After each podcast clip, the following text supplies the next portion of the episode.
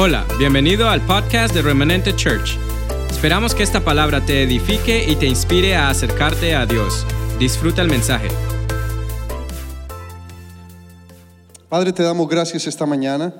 Abrimos nuestro corazón para ti, que tu Espíritu Santo venga y nos redarguya, nos hable, nos instruya. Permite que nuestro corazón esté abierto, Dios, porque vamos a escuchar tu palabra, tu instrucción, tu dirección. Y no queremos hacer oídos sordos a lo que tú hablas. Permite que tu Espíritu Santo siga completando la buena obra que tú has comenzado en nuestras vidas. Glorifícate en esta mañana, Señor, en el nombre de Jesucristo. Amén. Yo, yo les he estado hablando estos días, o estos domingos, acerca de mi inquietud de, de, de lo que es la estructura nuestra como, como seres humanos, como hijos de Dios. Eh, voy a decirlo de esta manera, yo creo que este tiempo Dios está buscando que sus hijos, que su creación, que lo que Él creó, esté bien. Porque tú y yo somos esa corona de la creación, somos la mejor creación. La mejor creación no son los ángeles, la mejor creación no son los paisajes, los mares, la mejor creación somos tú y yo. Amén. Y Dios, Dios no tiene problemas. Dios no tiene problemas. Pero yo creo que Dios tiene inquietudes. Y una de las inquietudes es que esa creación, que Él con sus propias manos, con su propia naturaleza, creó, y que un día falló, un día cayó, sea restaurada, camine en, en el diseño original que Él estableció. Y Él nos hizo espíritu, alma y cuerpo. Dios no tiene inquietud con nuestro espíritu, ahí mora Él, Él cuida de Él. Dios tiene inquietud con nuestra alma porque es en nuestra alma donde estamos ganando o perdiendo las batallas. Es en nuestra mente, en nuestras emociones, en nuestros deseos, en nuestras decisiones, donde estamos siendo afectados porque nuestra alma, escúchame esto, a causa del pecado, se hace vulnerable. Eso es una buena frase. Nuestra alma, a causa del pecado, se ha hecho vulnerable.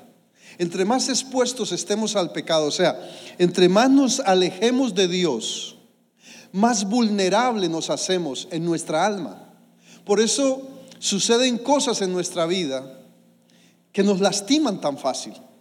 Y estamos viviendo en tiempos donde los seres humanos estamos expuestos a dolor, estamos expuestas, expuestos a ser lastimados. ¿Por qué? Porque al debilitarse nuestra alma es como si se bajara el sistema inmunológico de nuestro ser. Y es como en el cuerpo, cuando se baja el sistema inmunológico, ¿qué sucede? Somos vulnerables a infecciones, somos vulnerables a virus, a bacterias. Lo mismo sucede con el alma. Cuando el alma es debilitada por esa vulnerabilidad a la que ha sido expuesta, entonces somos más sensibles a ser lastimados y por eso los seres humanos nos estamos lastimando tanto. Los seres humanos nos estamos lastimando, estamos siendo hipersensibles. Yo, yo lo veo en las relaciones, lo veo a nivel de matrimonio, lo veo a nivel de padres e hijos, lo veo a nivel de laboral, lo veo a nivel de iglesia, lo veo a nivel de, de familia, de relaciones. Nos estamos haciendo vulnerables.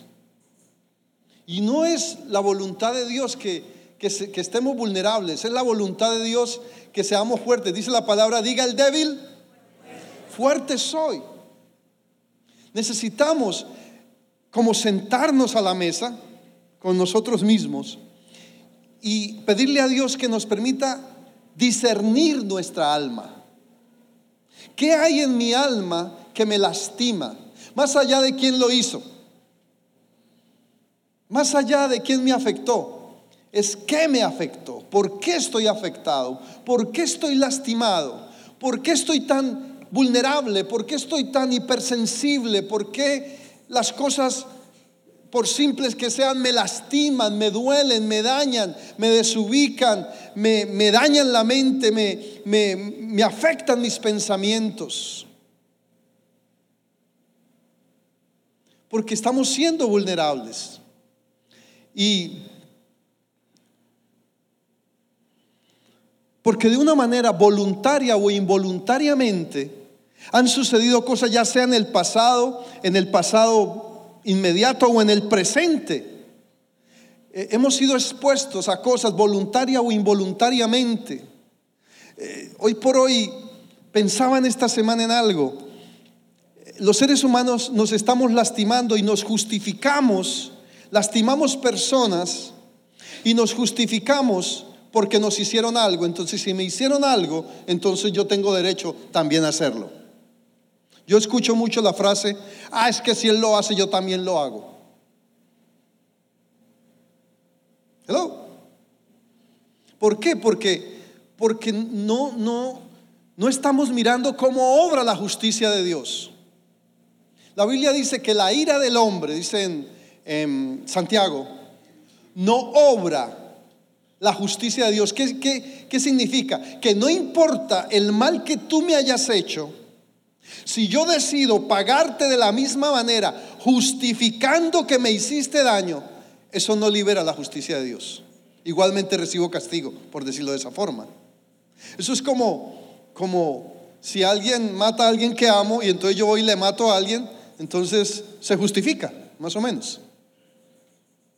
Pero eso no libera la justicia, ni la del hombre ni la de Dios. Me estoy haciendo entender, iglesia. Entonces, cuando estoy hablando del alma, estoy hablando de que tú y yo necesitamos ser sanos. Nuestra alma necesita ser sana. Hemos cargado por años, muchas veces, desde nuestra niñez, de nuestra juventud, cuando llegamos adultos, aún de tiempos inmediatos, hemos cargado dolores, penas, sufrimientos que nos han detenido, que nos y esa es la parte que este tiempo, mire, si pensáramos que Dios tuviera un problema, no es hacer milagros. Dios no tiene problema en hacer milagros. Dios hace milagros todos los días. Dios está inquieto por sanarte, por sanarme, porque estemos fortalecidos en el hombre interior, que estemos fortalecidos en el alma, que su creación sea cada día perfeccionada. Amén.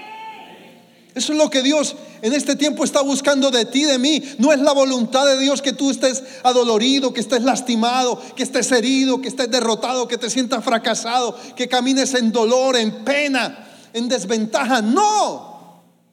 Es la voluntad de Dios que tú camines creyendo en lo que tú eres, en lo que Él dijo, en lo que Él hizo con su propia mano, en lo que Él escribió acerca de ti. Eso es lo que tú verdaderamente, tú y yo somos. Amén. Necesitamos entrar en esa dimensión donde el débil dice que es fuerte. Necesitamos entrar en esa dimensión donde el débil dice que es fuerte. ¿Y qué significa eso? Que aunque algo me esté doliendo hoy, claro que eso me debilita, pero el Señor dice que a pesar de eso soy fuerte. Donde entremos en la dimensión donde no somos cola, somos cabeza donde no estamos abajo, estamos arriba. Necesitamos entrar, vivir, creernos esa dimensión de vida que Dios nos está ofreciendo. Pero necesitamos sanar. Necesitamos sanar. He lastimado, me han lastimado. Hay en nuestra alma cosas. Entonces necesitamos sentarnos y decir, bueno, ¿por qué estoy así? ¿Qué es lo que me duele? ¿Por qué me duele? Más allá de que gente se equivoca, claro que se equivoca. Más allá de que gente nos lastima, claro que nos lastiman. Pero nosotros también lastimamos. Entonces necesitamos una sanidad en el alma. Y Cristo habla claro acerca de eso. Hay gente que no cree en la sanidad del alma, que no necesita. Pero yo no te estoy hablando de una terapia psicológica. A veces cuando uno toca este tema, gente cree que se está hablando de psicología. No, se está hablando del alma que fue creada por Dios. No estoy enojado, es que este tema me emociona. Porque es que es ahí en el alma donde necesitamos resolver. Porque de una manera muy sutil, usted le pregunta a alguien, ¿te molestó? No. ¿Te dolió? No. ¿Hay algo que te haya hecho? No, no, no, no, no. Pero cuando vemos en el fondo, estamos dolidos. Nuestra estructura emocional está siendo afectada. Y hoy por hoy Dios nos llamó a depender de lo que Él dijo, pero estamos dependiendo de las emociones. Y déjame decirte, si no lo sabías, a mí me gusta instruir esto porque leigo para instruirme. Yo leigo mucho, yo leigo. Leiga para que se instruya, dicen. Tienes que entender y debemos entender, necesitamos los hijos de Dios, no podemos espiritualizarlo todo. Lo estamos a veces espiritualizando todo para escapar de mi realidad inmediata. ¿Me explico? Tenemos que entender, o necesitamos entender, que así como somos una estructura espiritual, somos una estructura humana que está compuesta por una fortaleza emocional del alma y también tenemos un cuerpo. En esa estructura del alma o en esa fortaleza del alma se manifiesta lo que son las emociones y los sentidos que están ligados a mi parte biológica. Por eso es que usted oye el término, oh, esa persona es hormonal o visceral, las vísceras. O esa persona es colérica, es irritable. ¿Por qué? Porque todo nuestro sistema emocional está ligado a nuestro sistema químico. Entonces, por eso somos, nos volvemos reactivos. Por eso cualquier cosa nos puede molestar. Por eso dicen, no es que esa persona es mal geniada. No hay tal como eso. Es que su alma está afectada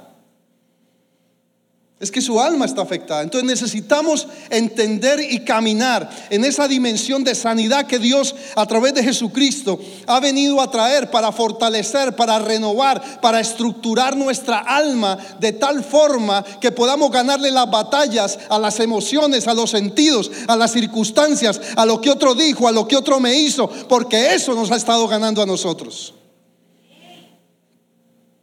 Y sí, ha habido cosas que son injustas, claro que las han habido. Yo puedo cometer injusticias, tú puedes cometer injusticias, pero más allá de eso, tú tienes delante de Dios, tú tienes un escudo, tu fe es un escudo del alma. No solamente contra el diablo, contra aquellas cosas que me lastiman. Dice que tenemos una armadura. Esa armadura es para proteger nuestra alma. No el Espíritu, el Espíritu no necesita ser protegido. Dios ya lo protegió a través del Espíritu Santo en ti y en mí. Pero necesitamos esa armadura y el escudo, la fe. Ahora que el, pastor Alberto hablaba de fe, la fe es, es más que ese acuerdo. La fe es esa convicción y convicción, escúchame, se tiene que adquirir en el alma. Cuando tú sabes que sabes que sabes que algo es real en ti. Eso es convicción. Entonces, si mi alma no está sana, si mi alma está herida, no puede haber convicción. Hay que incertidumbre. Y la fe es la certeza, o sea, la certidumbre, la esperanza, la convicción para que algo suceda. Pero si mi alma está herida, está lastimada, está derrotada, está temerosa, está confusa, no puede haber convicción. Entonces, ¿qué sucede con mi fe? Va a ser debilitada. Por eso es que dice que la fe viene por él y el oír. ¿Por qué? Porque el oír la palabra, escúchame cómo opera, cómo es el sistema operativo. La palabra viene a penetrar, dice que es como espada de dos filos que separa el alma del Espíritu, sea, sana, libera, restaura, restituye el alma. ¿Para qué? Para que estando sana pueda adquirir la convicción, la certeza, la esperanza que la palabra opera en mi vida. Aplauda, aplauda.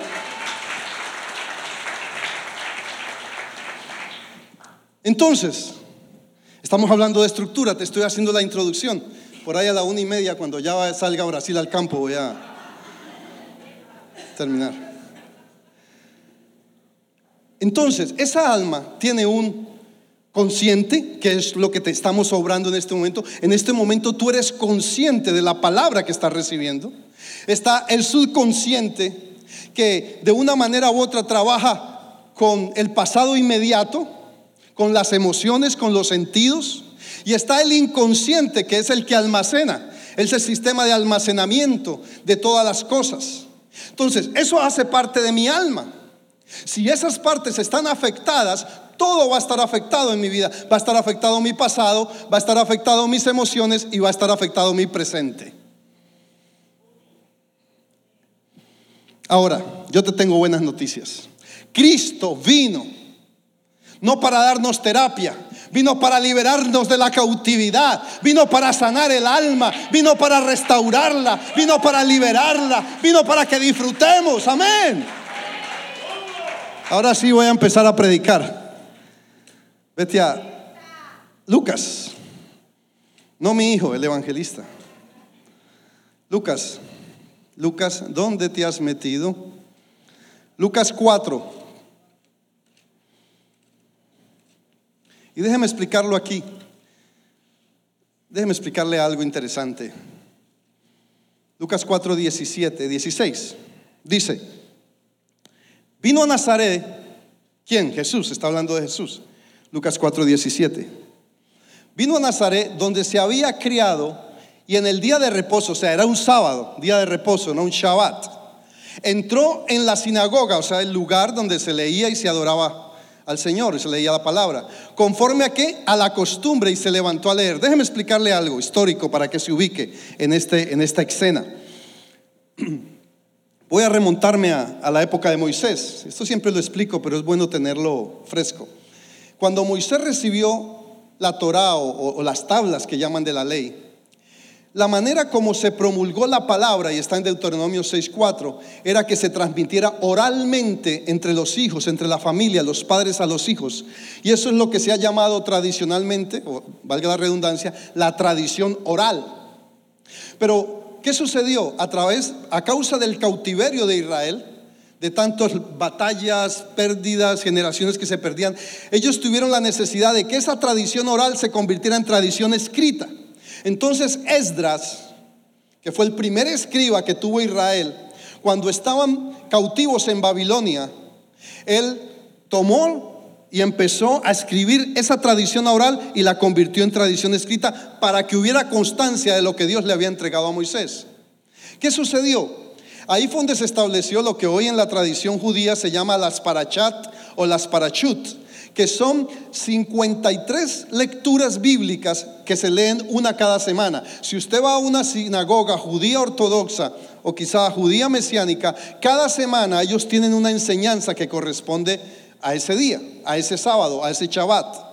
Usted dirá, pero pastor, si es para todo el año, el, el año tiene 52 y aquí habla de 53, porque hay una que es para un día que se llama el gran sábado, es un Shabbat extra que hay, un Shabbat extra que llaman el Shabbat Shabbatón o el Gran Sábado. Ese día se lee la 53.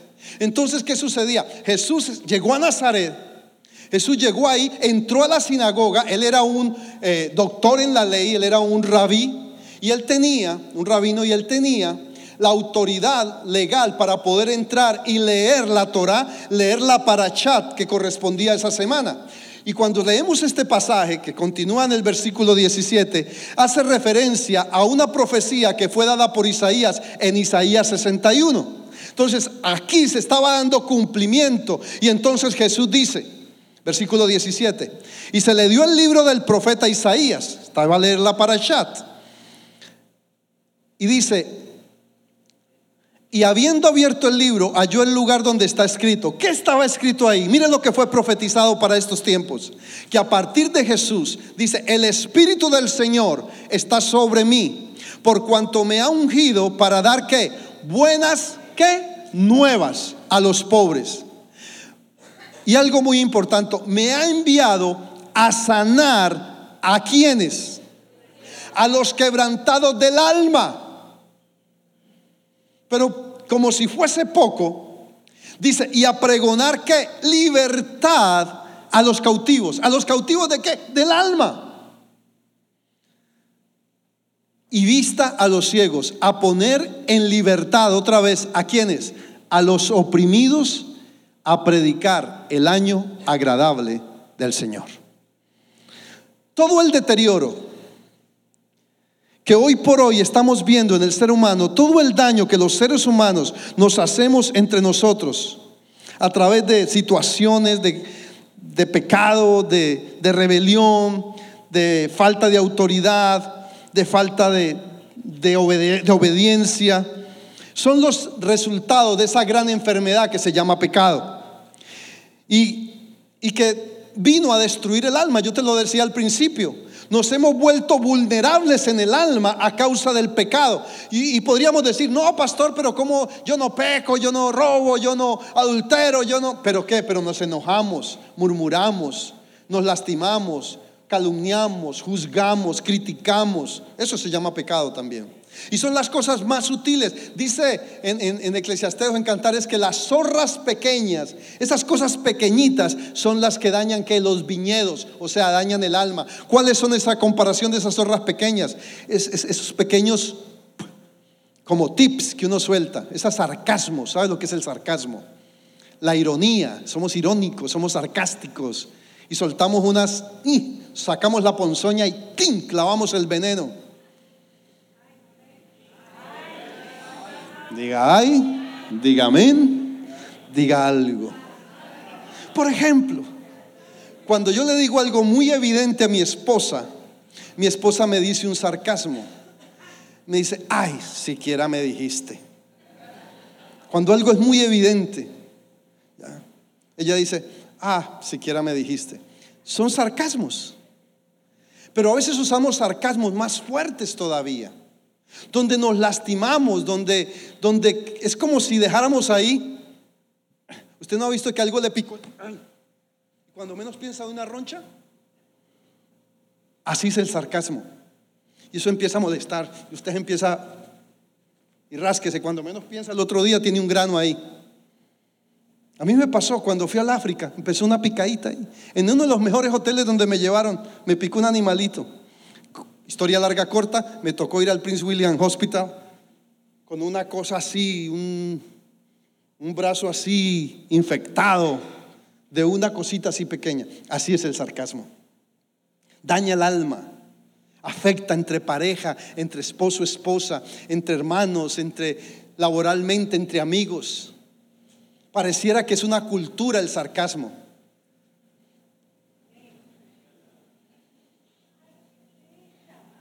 ¿Cuántas veces yo no he estado aquí predicando y usted por allá en, su silla suelta un sarcasmo? Hmm. No crea que no lo oigo. si yo de aquí tengo toda la visión. usted no me está viendo a mí, yo lo estoy viendo a todos. Necesitamos sanar el alma, necesitamos... ¿Por qué? Porque hay un deterioro emocional. Hoy, hoy por hoy, tú sabes, la industria que más, es tan fuerte esto de la herida del alma, de, del alma dañada, lastimada, que hoy por hoy la industria más fuerte es la industria de la medicina psiquiátrica. El Xanax, el Prozac, el Valium, está a la orden del día. ¿Por qué? Porque nuestra alma está afectada. Porque nuestro sistema nervioso químicamente es afectado cuando hay dolor, cuando hay tristeza, cuando hay amargura. Diga, ay, Diga, ay, ay, ay. Diga algo, pero diga. ¿Y qué tiene que ver esto con mi vida? Mucho. Porque hay muchas cosas que, que están pasando que afectan mi mente, que afectan mi voluntad, que afectan mis pensamientos, que afectan mis decisiones, que afectan mi sistema emocional. Y entonces tomo malas decisiones. Caigo en amargura. Hay amarguras pasivas. ¿Saben cuáles son las amarguras pasivas? Aquellas que yo guardo y no dejo que nadie se dé cuenta, pero que en cualquier momento es como cuando usted está en una reunión en un avión y siente un olor y no sabe quién sabe quién fue. Más o menos. Así, pasivo. Yo sí que sé de eso en los aviones. Todo el mundo le echa la culpa a los 150 pasajeros que van en el avión. Necesitamos romper esa hegemonía de las emociones en nuestra vida. Las emociones están gobernando al mundo. Pero ojalá fueran emociones transformadas por el poder del Espíritu Santo, que fueran servidores nuestros, pero no. Las emociones se han convertido en amos y señores de los seres humanos. La palabra dice en, Hebreos 5:14 que hasta que adiestremos nuestros sentidos, nuestras emociones en qué? En el discernimiento del bien y del mal. Los sentidos están para servirnos a nosotros, las emociones están para disfrutarlas, no para que nos gobiernen. Amén. Entonces, ¿en qué se refleja? Tres cositas simples en que se está reflejando. En nuestra conducta. Ese daño emocional, ese daño del alma se está reflejando en nuestra conducta, en nuestra manera de relacionarnos. Afectamos personas sin mala intención. Esa es la frase más coloquial. Yo no tenía mala intención. Yo no tenía mala intención. O como me pasó en días pasados con alguien que me dijo, bueno, yo necesitaba decírtelo, aunque te duela. Entonces si me dolía, ¿para qué me lo decís? Porque es que la otra cosa es, es que la verdad duele. Mentira, la verdad no duele, la verdad libera. Conoceréis la verdad y la verdad os hará. Pero el dicho nuestro cultural es, hmm, le dije la verdad y como la verdad duele, Mentira, la verdad no duele. La verdad está diseñada para liberarme. Entonces estamos haciéndonos daño. Nos estamos lastimando. Justificamos las cosas.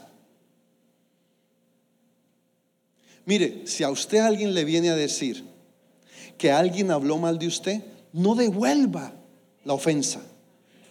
No la devuelva. Así sienta que no devuelva la ofensa. Porque entonces, ¿qué estamos haciendo? Estamos, cuando devolvemos la ofensa, nos estamos haciendo más vulnerables. Y eso es una cultura. ¿Por qué? Porque mantenemos protegiéndonos por orgullo, por temor, por, por, ese daño emocional. Cuidamos la imagen. Es una necesidad de quedar bien con todo mundo porque hay inseguridad, porque hay temor. Y alguna vez dije una frase aquí. Escucha esto, para que la ponga en Facebook. El orgullo cuida la imagen, pero la humildad cuida el testimonio. Otra vez. El orgullo guarda la imagen. Tengo una imagen, tengo que cuidar mi imagen. Pero la humildad no le importa la imagen, le importa el testimonio. Y el testimonio es que yo no quiero dañar a mi hermano. El testimonio es que yo no quiero devolver mal por mal. El testimonio es que yo no quiero ofender como me ofendieron. Ese es el testimonio. Porque al hacerlo estoy guardando mi alma. Dale ese aplauso al Señor.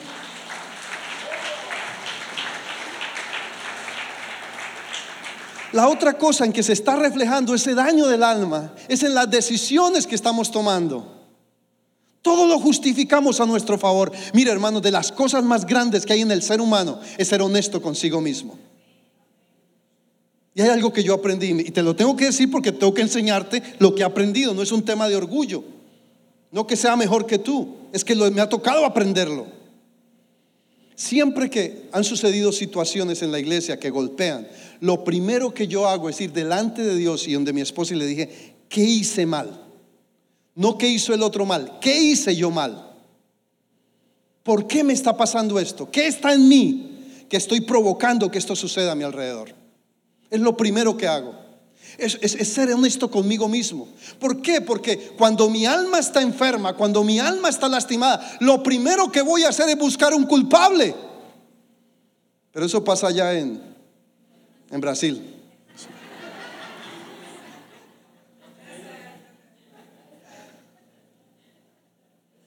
Y los colombianos aprendieron de ellos. Eso es.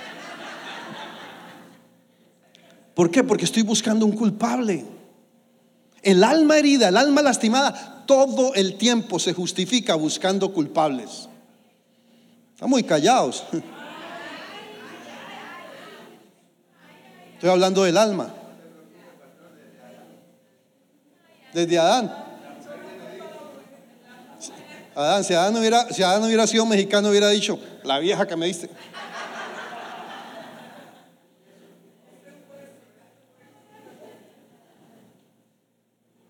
Estamos a veces, cuando el alma está lastimada, tomamos decisiones sin dirección, sin consejo, sin... La Biblia dice que en la multitud de consejeros está qué. No dice que en uno dice que en la multitud, pero de consejeros, no de, chismosos ni de los que te dicen lo que, lo que quieres oír.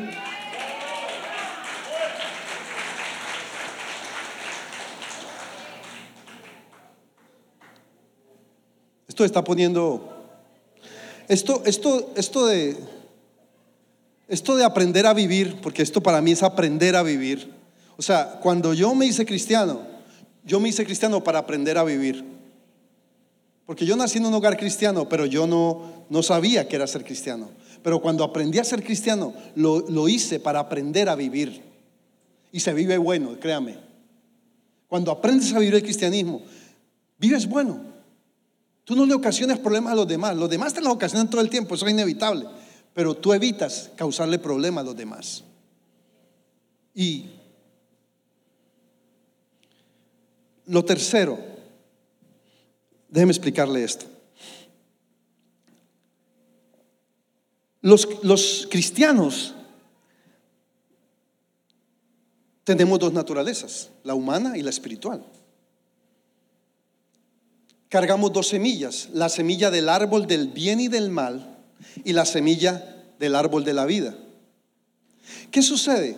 Que cuando mi alma está lastimada, siempre está regando el arbolito del bien y del mal. Eso fue lo que le pasó a Eva. Cuando ella se dejó tocar el alma, empezó a, a, ¿qué? ambicionar el árbol, el fruto del árbol del bien y del mal.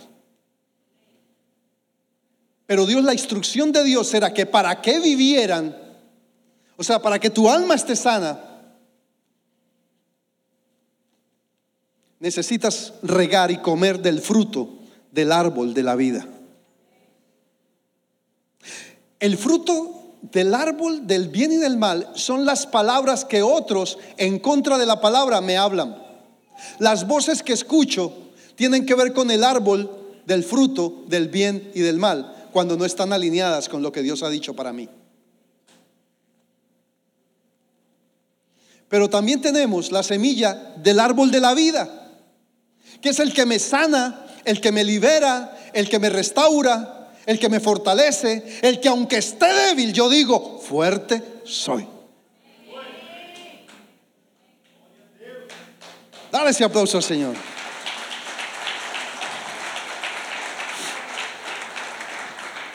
Pero entonces necesita, ok, pastor, ya, ya, ya, ya, pues pastor, ya, ya la tengo nanita, pastor, ya, ya, pastor.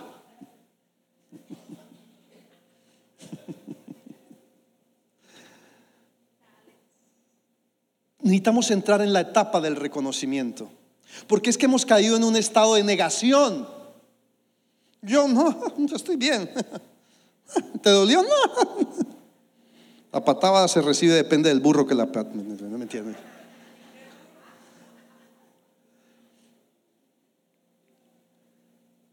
Necesitamos entrar en la etapa del reconocer y salir de la etapa de la negación. Porque mientras yo niegue mi condición, me hundo. Mi papá usaba una frase que es la única ofensa que yo le llegué a oír hacia mi mamá. Le decía, ay, mijita, usted sí es más terca que la mujer de Garabato. Y yo siempre preguntaba, papá, ¿y quién era Garabato? Y un día por fin me dijo que Garabato, la mujer de Garabato, un día se estaba ahogando y solo sacaba así, así, así. Y, y, yo decía, papá, ¿y el esposo la rescató? No, ella se ahogó, se ahogó así. ¿Y qué quería decir eso? Dice, quedó, ella decía que dos más dos eran cuatro. y se ahogó la mujer de Garabato. Entonces, cuando no reconocemos, nos ahogamos en nuestras emociones, en nuestras posiciones, en nuestro concepto, en nuestro criterio. ¿No ha visto que hay personas que se paran en una posición y son, perdóneme, tercos? Somos tercos, todos hemos pasado por etapas de terquedad, ¿o no? ¿O solo me ha pasado a mí? Porque queremos defender a veces lo indefendible. Lo que no se puede defender lo queremos defender. Ante la, como sea, le tenemos que ganar el argumento. Somos más competitivos. El alma que no es sana se vuelve competitiva en cuanto a defender lo indefendible. Me estoy haciendo entender. Somos tercos. El alma, el alma lastimada nos expone. Entonces necesitamos entrar en esa etapa de reconocimiento, reconocer cuáles son esas áreas de mi vida que necesitan sanidad. No estoy hablando de terapia, estoy hablando de libertad. Él ha venido a sanar a los cautivos, a pregonar el año de las buenas nuevas, a liberar a los oprimidos, a sanar a los quebrantados de corazón, dice la palabra. Necesitamos reconocer los patrones que necesitamos romper aquello que se manifiesta en mi vida, que a veces parece que se han ido, pero al tiempo vuelven y que y aparecen. ¿Cómo me doy cuenta que mi alma no ha sido sanada cuando tengo conductas transicionalmente repetitivas, ocasionalmente repetitivas? Cuando lo que me pasó hoy pasan dos o tres años y vuelve y actúa en lo mismo, es porque mi alma continúa herida. Establezco patrones. Un alma herida vive de patrones, vive de conductas. Porque si te has preguntado, pero ¿por qué me vuelve y me pasa esto? Y empezamos a buscar el culpable. Es porque mi alma está lastimada, porque mi alma no ha sanado, porque mi corazón sigue quebrantado, porque no he dejado que Cristo obre en mi vida. Y entonces nos volvemos manipulables, nos volvemos vulnerables, nos volvemos que cualquier viento nos lleva, nos arrastra. Porque defendemos, ¿sabes qué? Las emociones. Estamos defendiendo más las emociones que la palabra, los sentimientos más que la razón en Cristo. Y entonces nos volvemos hormonales, nos volvemos viscerales, emocionales, sentimentales. La Alex y todo lo que termina en Alex, pero no Alex de Sousa, no Alex.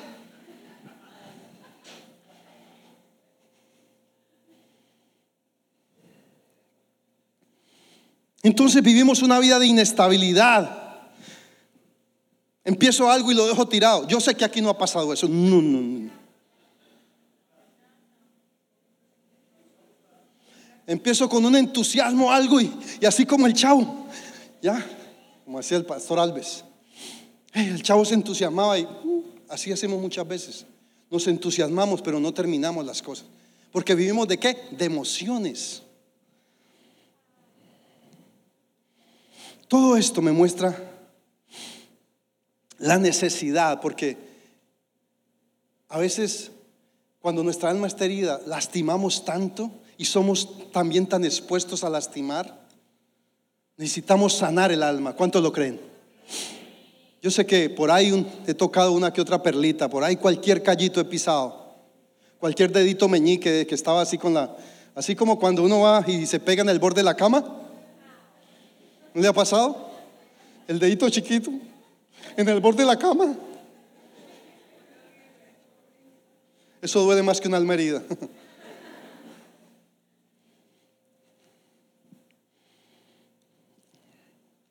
Pero necesitamos sanidad interior. La sanidad interior, Cristo la propuso. Cuando dice la palabra en, en el original acerca de lo que es el sanador, que es la palabra Rafa, Rapa o Rafa, que quiere decir sanador, habla de sanidad del cuerpo, pero también habla de sanidad del alma. Necesitamos sanar, necesitamos ser hombres y mujeres que tenemos esa fortaleza en Cristo para que más allá de nuestras dificultades, de nuestras necesidades, seamos hombres y mujeres fortalecidos, seamos hombres y mujeres que seamos instrumentos de aquellos que necesitan ser sanados. Necesitamos volvernos en el espíritu de, Jehová Rafa, del sanador. Nosotros los cristianos, en vez de estar luchando por ser sanos, ya debiéramos siendo, ser siendo, perdón la redundancia, estar siendo utilizados por Dios como instrumento de sanidad. Siempre habrá cosas que tenemos que avanzar, siempre habrá cosas que tenemos que sanar. ¿Qué es la sanidad? Yo lo considero ese proyecto divino de Dios para restaurarnos, para sanarnos. Cuando Dios creó al hombre, el hombre era completamente espiritual, pero cuando vino el pecado, vino el alma a gobernar, a predominar, las emociones empezaron a manejarnos, pero Cristo vino y restauró esa condición para que hoy tú y yo a través del Espíritu Santo podamos caminar en una alma sana, fortalecida, de acuerdo a qué? Al diseño que originalmente Él estableció. Tú no fuiste creado para ser vulnerable. La palabra lo dice innumerable desde, la Torá hasta el Apocalipsis. La palabra dice que somos cabeza. ¿Qué significa eso? Estamos acá, no acá.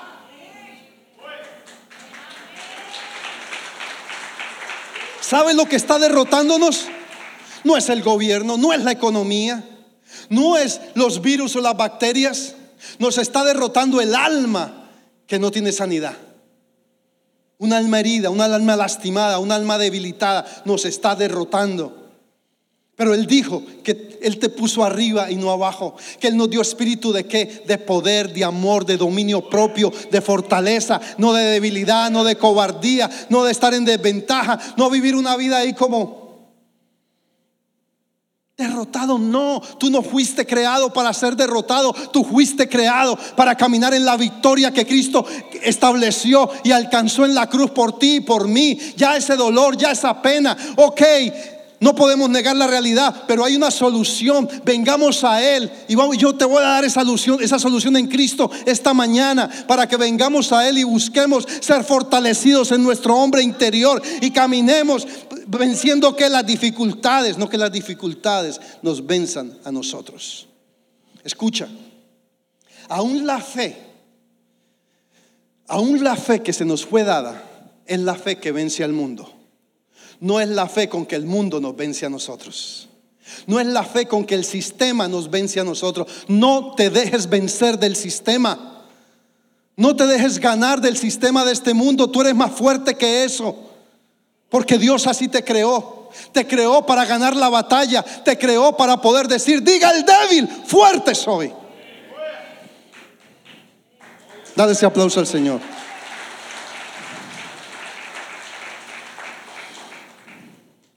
Y esto va a dar resultado. Cuando tú y yo, mire hermano, habrá cosas que vendremos al Señor y las lidiaremos, pero habrá otras en las que necesitamos ayuda.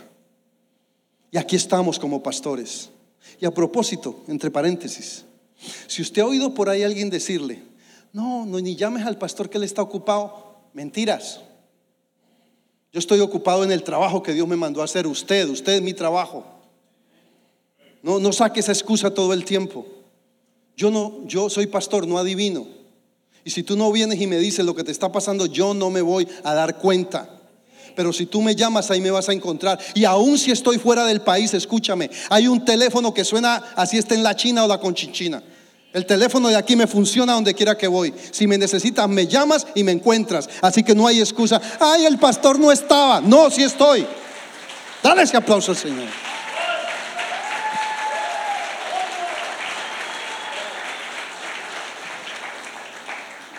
Ahí es cuando amo la tecnología. Hay WhatsApp, hay de todo para que me encuentre. Mi teléfono, nunca, escúcheme, nunca lo apago. Nunca lo apago. Por eso se me dañan rápido, porque nunca, desde el día que lo compro hasta el día que se, daña, nunca lo apago. Porque a mí hay gente que me llama a la una, a las dos, a las tres, a las cuatro, a las cinco. No tenía por qué decirlo, pero, pero así es. Así es. Para eso Dios nos llamó, para servir. Pero no hay excusas. No dejes que el enemigo te gane la batalla. O busca un hermano, busca un líder. Busca a alguien que te bendiga. Alguien que te ayude a ser libre. No que, que con sus mismas emociones te arrope y te termine más. Termine como Job. Bien Job.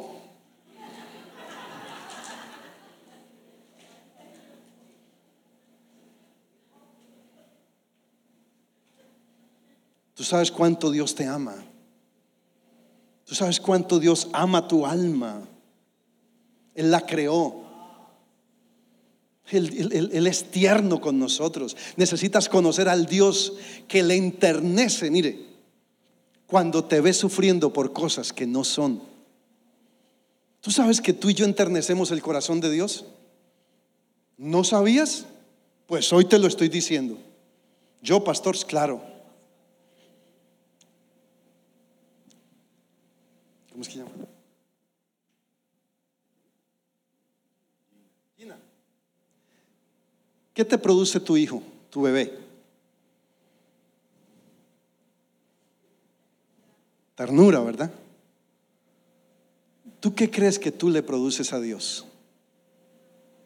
¿Ah?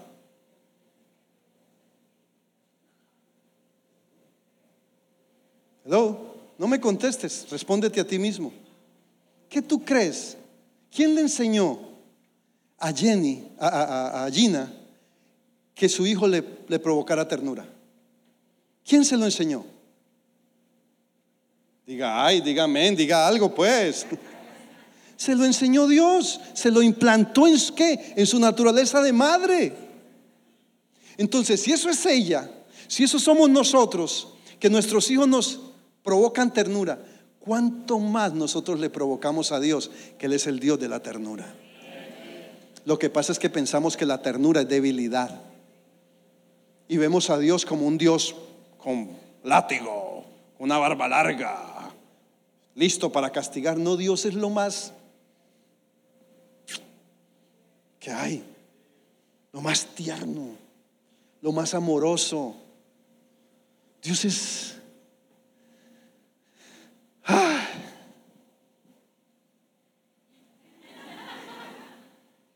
Dios es lo más lindo que tenemos.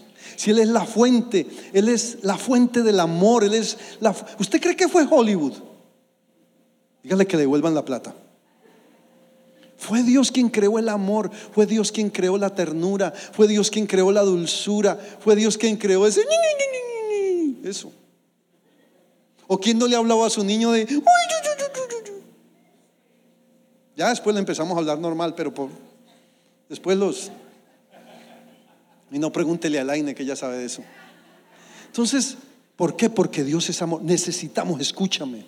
Si tu papá no te dio amor, si tu mamá no te dio amor, ese Dios que mora en ti contiene todo el amor, toda la ternura, toda la dulzura, toda la compañía que tú necesitas.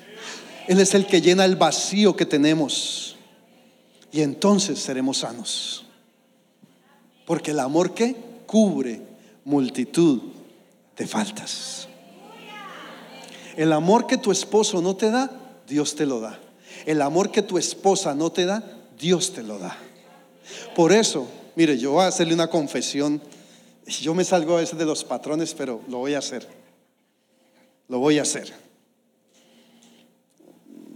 Hace un tiempo, mi esposa y yo, una persona amiga, cayó. Le falló su esposa. Y yo le decía, y, y mi esposa me decía, y el argumento es que su esposa ya no lo quería o que ya no lo atendía. Y yo hablando con mi esposa le decía, ese me parece el argumento más barato que un hombre o una mujer puede tener. Porque no hay excusa. No hay excusa. Créame que no hay excusa. Si uno peca, peca porque quiere, pero no porque no tiene amor, porque Dios nos da todo el amor que tú y yo necesitamos. No hay excusa. Yo le dije, mami, Dios me guarde de una cosa de esas, pero yo no tendría excusa yo no tendría excusa. No hay excusa para que nuestra alma nos sane. No hay excusa. Hoy el Espíritu del Señor está aquí. Y ese Espíritu está en ti. Y también te ha ungido. Para que esa unción te sane, te libere, te restaure. Saca de tu vida aquello que te trae amargura. Aquello que te incomoda. Aquello que te ha lastimado. No importa quién lo hizo. ¿Qué importa quién lo hizo? A mí me vale quién me ofendió. Me preocupa que yo me haya ofendido. Eso me preocupa. ¿Qué importa quién te falló? ¿Eso te sana? ¿Qué importa quién me ofendió, quién me lastimó, quién habló de mí, quién me calumnió, quién me criticó? Eso no me sirve. Me sirve la gracia, la gloria de Dios en mi vida que me sana. Aleluya. Dale ese aplauso al Señor. Y termino con esto. La sanidad del alma tiene un proceso metamórfico. No nos saltemos los procesos. Déjeme explicarle esto. Si yo tengo una bendición aquí, si tengo una promesa que se va a cumplir, que la voy a alcanzar y me va a alcanzar a mí, yo necesito vivir el proceso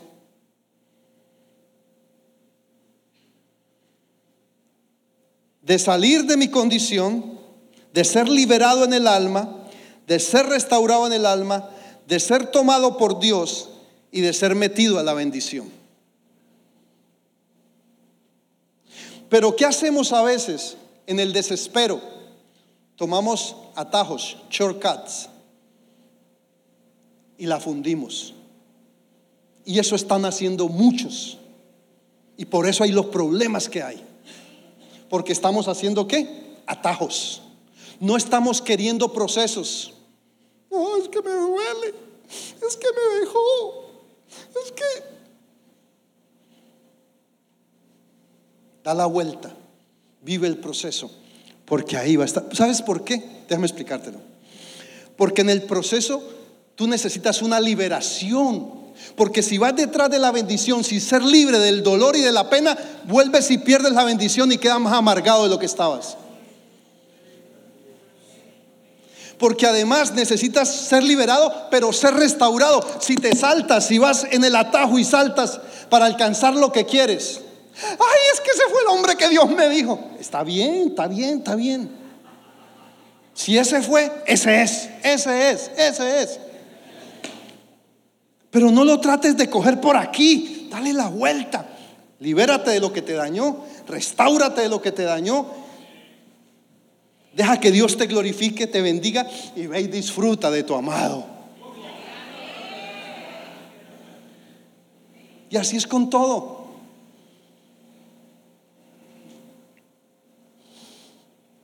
Ponte de pies.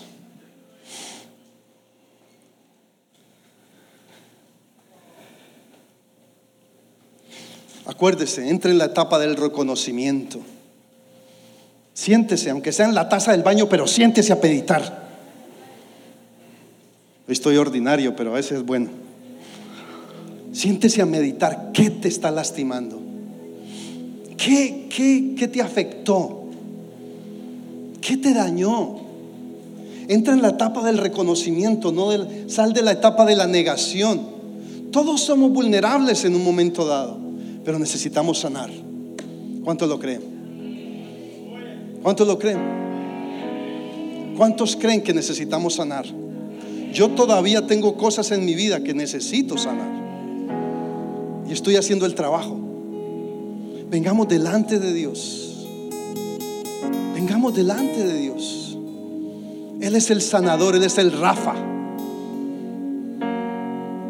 Padre, venimos delante de ti y reconocemos a Cristo. Perdonamos, pedimos perdón. Libéranos, Señor, de todo peso, de toda carga, de toda debilidad, para poder ser fortalecidos.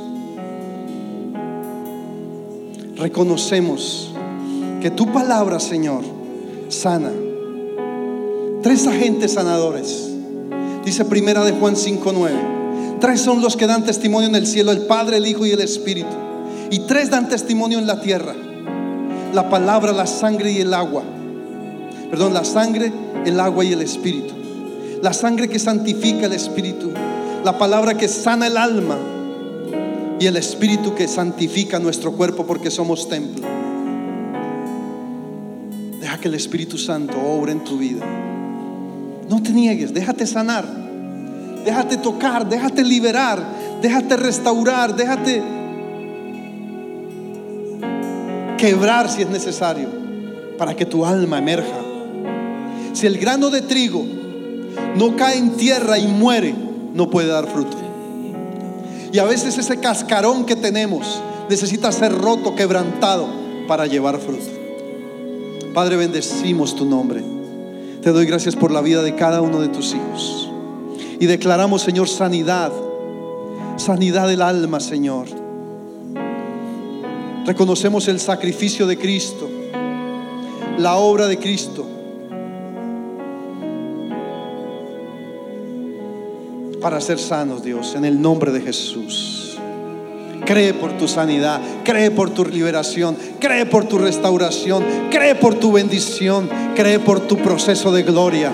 Cree que Dios te lleva a, pastos de vida cada día, de libertad, de sanidad, de gloria, de gozo, de alegría. Evacúa toda tristeza, toda amargura. Ahora mismo declárala sin poder en tu vida, en el nombre de Jesús. Perdona Disfruta, disfruta esto. En el nombre de Jesús. Bendigo tu vida, bendigo tu casa, bendigo tu matrimonio, tu familia, tus hijos, tu parentela, tu economía, tu salud, tu alma la bendigo en el nombre de Jesús. Aleluya, Padre, gracias. Gracias. Esperamos que este mensaje haya sido de bendición. No te olvides de suscribirte a nuestro podcast y seguirnos en Facebook e Instagram arroba remanente church.